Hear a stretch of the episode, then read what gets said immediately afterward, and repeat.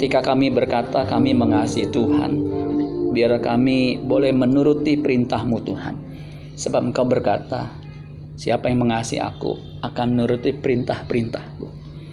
Kami merindukan perintahmu Tuhan untuk kami lakukan dalam hidup kami. Kami percaya ada firman yang kami harus pelajari, yang kami harus mengerti.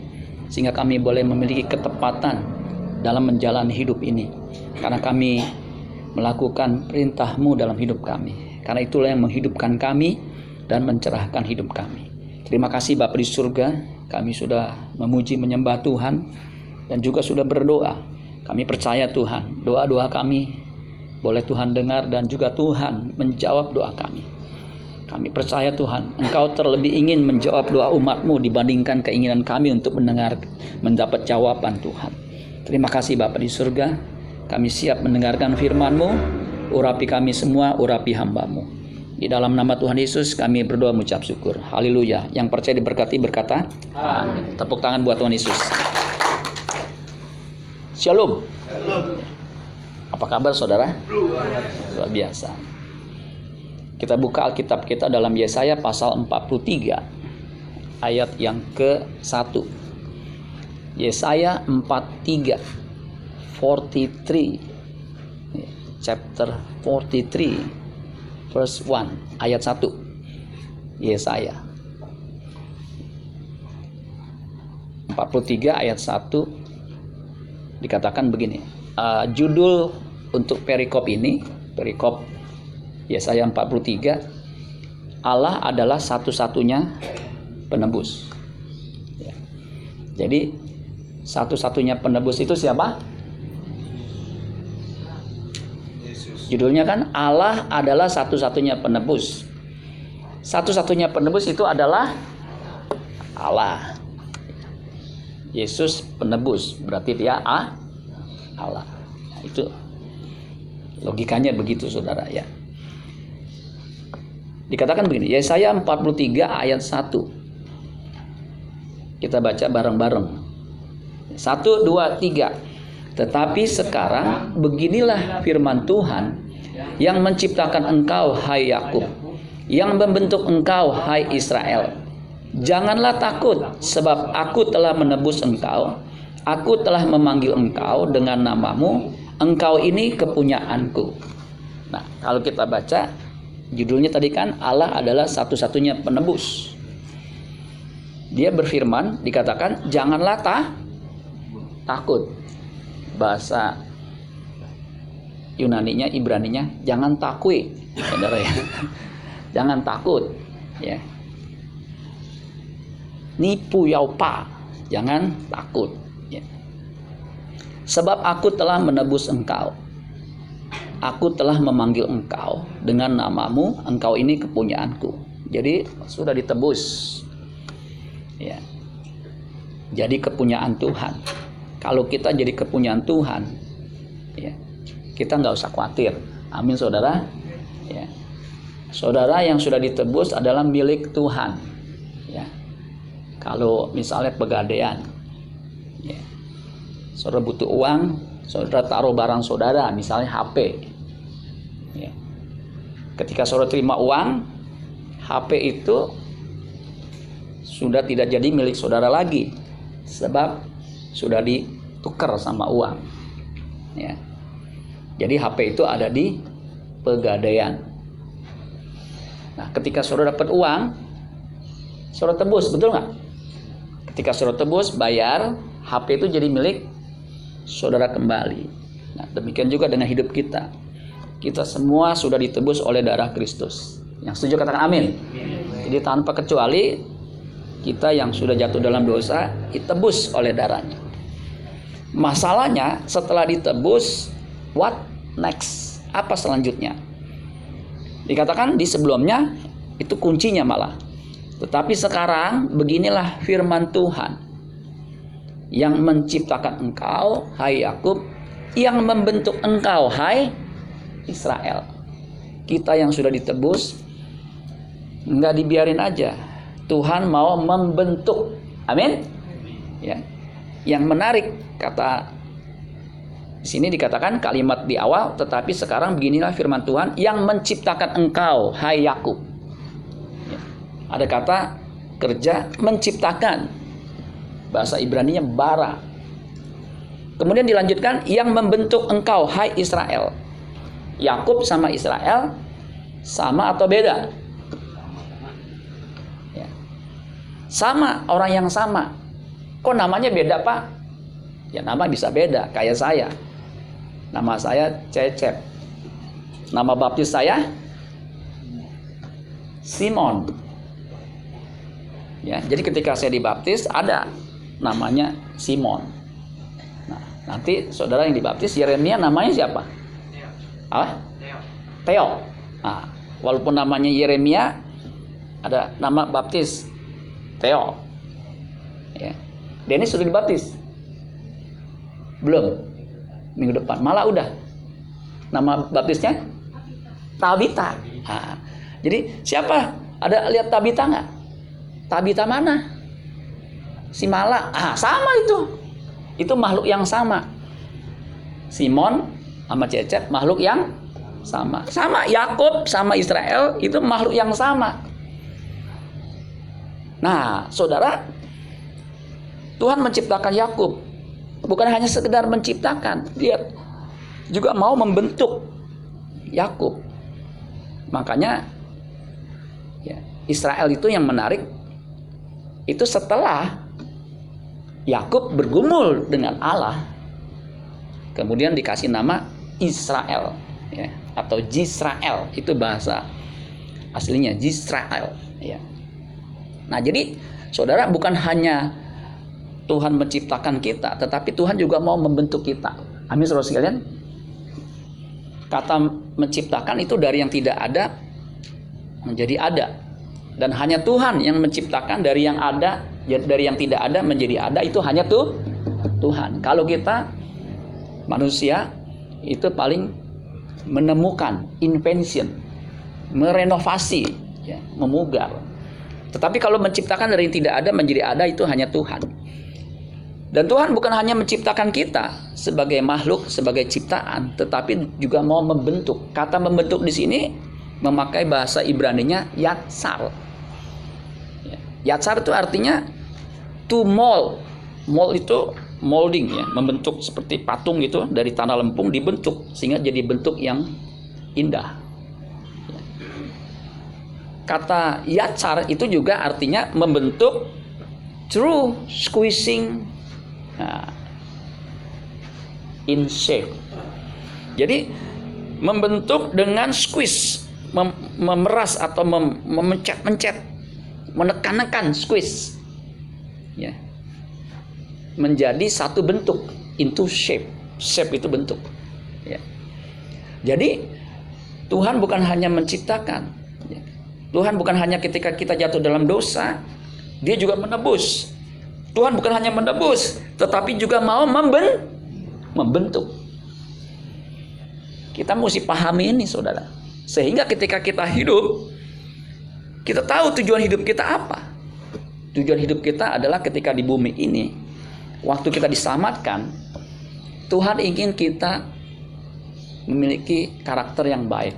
Makanya pembentukan karakter itu menjadi tujuan ilahi menjadi aktivitas ilahi. Karena kata yatsar itu adalah divine activity, aktivitas ilahi. Kalau kita sadar ini, selama kita hidup di bumi ini hanya untuk pembentukan karakter. Makanya ketika saudara kerja, karakter yang dibentuk. Ketika saudara melayani, karakter yang dibentuk. Ketika saudara di dalam masyarakat, karakter yang dibentuk. Ketika saudara di keluarga, karakter yang dibentuk. Bahkan ketika saya ajukan atau mengadakan konseling pranikah, saya tanya, apa tujuan Anda menikah? Biasanya jawabannya banyak, supaya saya bahagia om. Oh berarti lu kurang bahagia sekarang dong. Supaya saya bisa lebih bertanggung jawab om. Oh selama ini lu nggak tang kurang tanggung jawab dong. Nggak gitu om. Banyak macam-macam jawaban. Saya bilang, tahu nggak tujuan utama kamu menikah? Supaya besi menajamkan besi orang menajam ke sesamanya supaya kamu terbentuk karakternya. Karena apa? Suami istri dua orang itu kan berbeda karakternya, digosok begitu saudara sekalian. Supaya terbentuk. Kalau nggak menikah, gimana om jomblo? Sama, terbentuk karakternya. Karena memang itu tujuan hidup kita di bumi ini supaya kita memiliki bentuk yang indah. Amin saudara sekalian. Makanya ada satu lagu lagu tuh. Jadikan aku apa? Indah apa? Terus Nah, yang kau pandang mulia. Emas itu bisa jadi perhiasan yang indah itu setelah dibentuk betul nggak? Itu kan dari apa ya batu-batuan yang ada apanya tuh unsur-unsur emasnya itu nggak bisa langsung dipakai betul nggak? Ya kalau bongkahan-bongkahan gitu langsung dipakai, ih jijik betul nggak? Harus dihilangkan dulu unsur-unsur yang nggak mengandung emas. Untuk bisa menghilangkan itu apa yang dilakukan? Dilebur, betul nggak? Dipanasin. Ketika dipanasin, itu yang kotor-kotor itu tuh meleleh hilang, lenyap. Sampai dia murni mau berapa karat. Ya. Kalau emas murni kan 24 karat, itu lebih mahal. Ada yang 23 karat, ada yang 22 karat, ada yang 18 karat. Bahkan saya tahu, saya dikasih tahu ada yang 16 karat. Yang mahal berapa karat saudara? 24. Yang murah? Yang karatan. yang karatan nggak laku saudara. Sama. Kalau kita menjadi mau menjadi perabotan yang mulia, perhiasan yang mulia, mesti dibentuk, mesti dipanaskan, baru terbentuk. Amin saudara sekalian, menjadi yang indah, ya, menjadi perhiasan yang mahal, yang mulia. Makanya saudara di sini dikatakan yang menciptakan engkau hai Yakub dan jangan lupa yang menciptakan engkau hai Israel. Suruh tahu nggak? Ya, ketika Yakub bergumul ya di Kejadian pasal 32 ya. Kejadian 32 ayat 24. Di situ dikatakan gini, lalu tinggallah Yakub seorang diri dan seorang laki-laki bergulat dengan dia sampai fajar menyingsing. Seorang laki-laki yang bergulat dengan Yakub sampai fajar menyingsing, itu kira-kira menurut saudara siapa? Kira-kira siapa saudara? Penafsir mengatakan itu dalam dunia teologi yang disebut teofani. Coba katakan teofani. Bukannya nama anak remaja itu apa namanya teofani, bisa juga. Kristofani, sama itu. Jadi Yesus yang belum berinkarnasi di perjanjian baru itu menampakkan diri kepada umatnya dalam wujud malaikat Tuhan. Itulah Kristus sebelum dia berinkarnasi. Itu yang bergumul dengan Yakub. Yakub bergumul, jangan lepaskan aku sebelum kau memberkati aku. Itu luar biasa. Makanya laki-laki itu mematahkan ininya supaya bisa lepas. Langsung dia berfirman. Nah kalau dia berfirman itu pasti Allah sendiri. Dalam bentuk malaikat Tuhan yaitu Kristus yang belum berinkarnasi engkau bukan lagi Yakub tetapi Israel karena engkau bergumul melawan Allah engkau menang Yisrael Yisrael El. Itu dari kata Eloah, Elohim. Yisra itu bergumul. Yisra itu dari kata Sar. Sar itu pahlawan. Pahlawan perang. Sar itu kalau wanita Sarah. Begitu seluruh sekalian. Sehingga Israel atau Israel itu artinya pahlawan Allah. Atau engkau bergumul dengan Allah, engkau menang. Nah kata bergumul di situ memakai kata Ibraninya abak Coba katakan abak. Abak itu hanya dipakai dua kali di Alkitab untuk Yakub ini. Jadi jarang dipakai hanya dua kali. Ayat 24 dan 25. Yakub diubahkan. Sejak saat itu saudara, karakternya berubah. Yakub artinya penipu. Nah, Sebelum kita mengenal Tuhan, sebelum kita dibentuk, kita tukang tipu, tukang bohong. Betul nggak saudara? Ya, dikit-dikit bohong, dikit-dikit bohong. Lu udah di mana? Wow, udah deket. Deket mana? Deket rumah gua. Padahal masih jauh saudara sekalian. Ya, lu udah makan apa belum? Belum. Nah, itu jujur. Lu udah makan apa belum? Udah. Padahal lapar saudara sekalian. Manusia umumnya orang suka bohong, gampang bohong. Yakub diubahkan sehingga memiliki karakter ilahi. Namanya diganti, bukan hanya sekedar diganti. Ya, apa artinya sebuah nama? Ada artinya. Orang Yahudi itu memberi nama nggak sembarangan, punya makna. Dia berharap nama itu menunjukkan hidupnya. Sama kayak orang Jawa juga begitu. Kalau dia ingin anaknya bisa menyelesaikan masalah, dinamain Sukarman. Nah itu saudara sekalian ya. Dia ingin anaknya bisa perkasa, Suparman, gitu saudara sekalian. Ya. Itu punya makna. Dia ingin anaknya kaya, Sugiman, begitu saudara. Kalau dia ingin anaknya kayak monyet, Hanoman, saudara. Jadi namanya diganti Israel karena dia sudah bergumul dengan Allah dan dia menang. Makanya untuk mengalami proses pembentukan harus bergumul. Makanya ketika saudara dibentuk, kenapa masalah datang terus? Itu pembentukan. Amin saudara sekalian. Bukan penderitaan. Jadi ketika saudara mungkin mengalami pembentukan, kenapa saya kok jadi begini? Saya kok dapat di lingkungan yang susah, melarat begini. Ya kagak ada contoh, nggak ada ini. Saya begini. Itu pembentukan karakter. Saya dikirimin WA itu ya. Ada remaja wanita ya. Itu ngangkut kayu balok kayu yang tingginya 3 meter di bahunya. Sampai saya nonton aduh ini bener apa enggak ya? tapi kalau lihat begini ini kisah real kayaknya. Bagaimana dia Buduh, makan sambil begini itu saya yakin percaya itu otot-ototnya kuat betul nggak waduh itu luar biasa tuh ya pasti punya tubuh yang kuat. Bayangin itu kayu berapa kilo.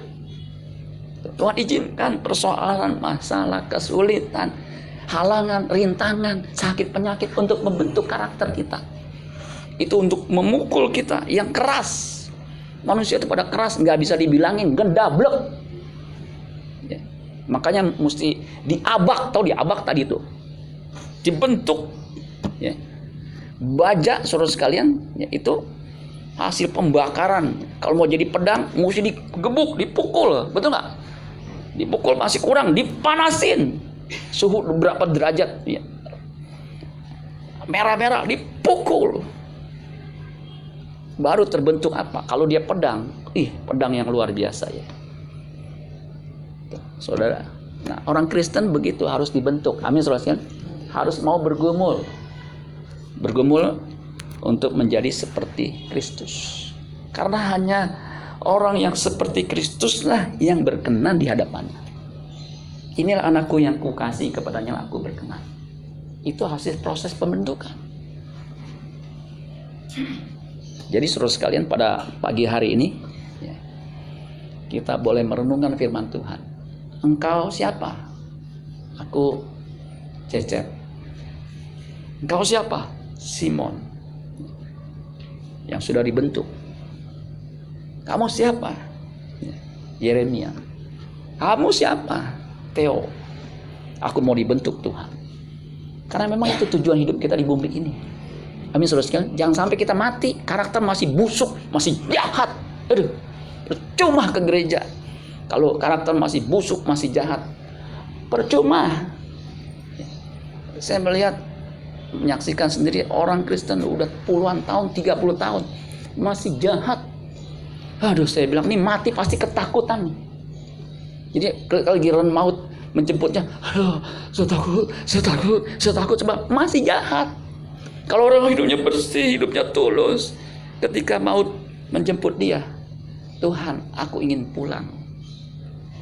Karena dia tahu, saat ku pulang, menghadap Bapa hanya engkau yang ku miliki kerinduan hatiku kehausan jiwaku dapat mem apa tuh ya? Lupa deh ya. Itu ada kehausan. Karena selama ini dia hidupnya bersih mau dibentuk. Nah lagu-lagu kayak gitu di sini gereja jarang ya surutnya padahal kita mesti siap menghadap kematian kita dan untuk mempersiapkan kematian kita kita harus memiliki karakter seperti Kristus dan siap atau rela dibentuk. Amin saudara sekalian? Sehingga ketika menghadap Tuhan memandang Tuhan kita mengharapkan kalimat ini kamu anakku yang kukasih kepadanya aku berkenan. Bukan ketika ini kita ketakutan. Ya kamu pembuat kejahatan. Wah itu mengerikan seluruh sekali. Itu itu azab dari segala azab. Itu penderitaan dari segala penderitaan. Penderitaan. Sebab apa? Nggak ada bisa ngulang lagi. Soro gagal masuk ke perguruan tinggi negeri ngulang lagi bisa tapi gagal masuk surga, suruh masuk neraka, nggak bisa her. Udah, tunggu dulu, malaikat, gue masuk ke bumi dulu supaya apa? Bisa masuk neraka? Nggak bisa. Makanya hidup yang sekali yang sebentar ini harus kita gunakan. Karena hidup ini adalah kesem kesempatan. Makanya mumpung masih muda, hidup yang benar. Saya beritahu, kalau suruh hidup benar punya karakter yang baik, nggak usah takut. Pasti diberkati itu nggak usah diiniin lagi. Karena nyari orang yang jujur, yang setia dapat dipercaya susah. Kalau dapat, ha ini mesti dipertahankan. Saya buktinya. Ini kan orang-orang kebun pala yang tahu saya. Ketika kita kerja benar, nggak akan dibiarkan berhenti. Nih dikasih lagi, kasih lagi, kasih lagi. Begitu saudara sekalian. Makanya nih anak muda nih, dengar nih, bukan itu kebetulan. Yuk ente datang dengar khotbah saya hidup yang benar. Amin. Lu pasti diberkati. Jangan ngarepin berkat Tuhan, hidup kagak bener. Nih si malaikat itu berjahe. Nggak mungkin. Makanya kalau kita hidup benar, percayalah mengharapkan sesuatu yang baik itu worth it. Sebab apa? Udah hidup benar. Amin saudara sekalian. Kita aja nih, kalau ada orang yang begitu baik, belum lama nih, dua minggu lalu, ada asisten rumah tangga kami datang ke rumah saya. Tadi saya kaget, ini siapa ya? Mobilnya begitu bagus, lebih lebih bagus dari mobil saya. Dia ketok-ketok. Wah, gigih betul ya. Mungkin udah ada setengah jam. Saya tanya, udah berapa lama? Udah lama, Pak. Saya lihat ada mobilnya, pasti ada orangnya. Karena saya udah berkali-kali ke sini, nggak ada.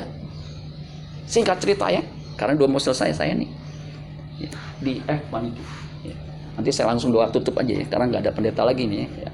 Udah langsung aja ya. Dia datang suruh sekalian, ngobrol-ngobrol.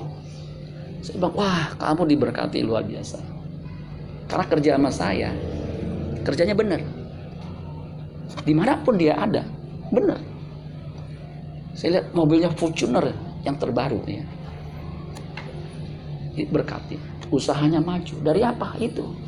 Karena waktu dia berhenti dia sama saya 3-4 tahun ya saya mau kawin kemudian saya mau usaha sendiri. Tuh sudah. Setelah sekian lama orang dunia aja bisa diberkati Tuhan. Istri saya tunjukin nih rumahnya bagus rumahnya mewah. Nggak jauh dari rumah saya. Tuh saudara apalagi kita semua orang Kristen kalau hidupnya benar dapat dipercaya. Kenapa saya tahu benar? Karena dia bilang ini bos saya kasih order pak banyak ke saya. Pasti orang dapat dipercaya betul lah Pasti orang ini nggak menyakiti. Tuh saudara. Makanya nih masih muda didengerin. Hidup yang benar. Mau dibentuk. Kalau kita yang udah tua pak, yang bawa tanah begini, tetap harus benar. Finishing well. Amin saudara sekalian. Jangan sampai tua-tua keladi. Makin tua, makin jadi kebengalannya. Bertobat. Amin. Karena ini yang benar. Amin buat firman Tuhan. Ku mau seperti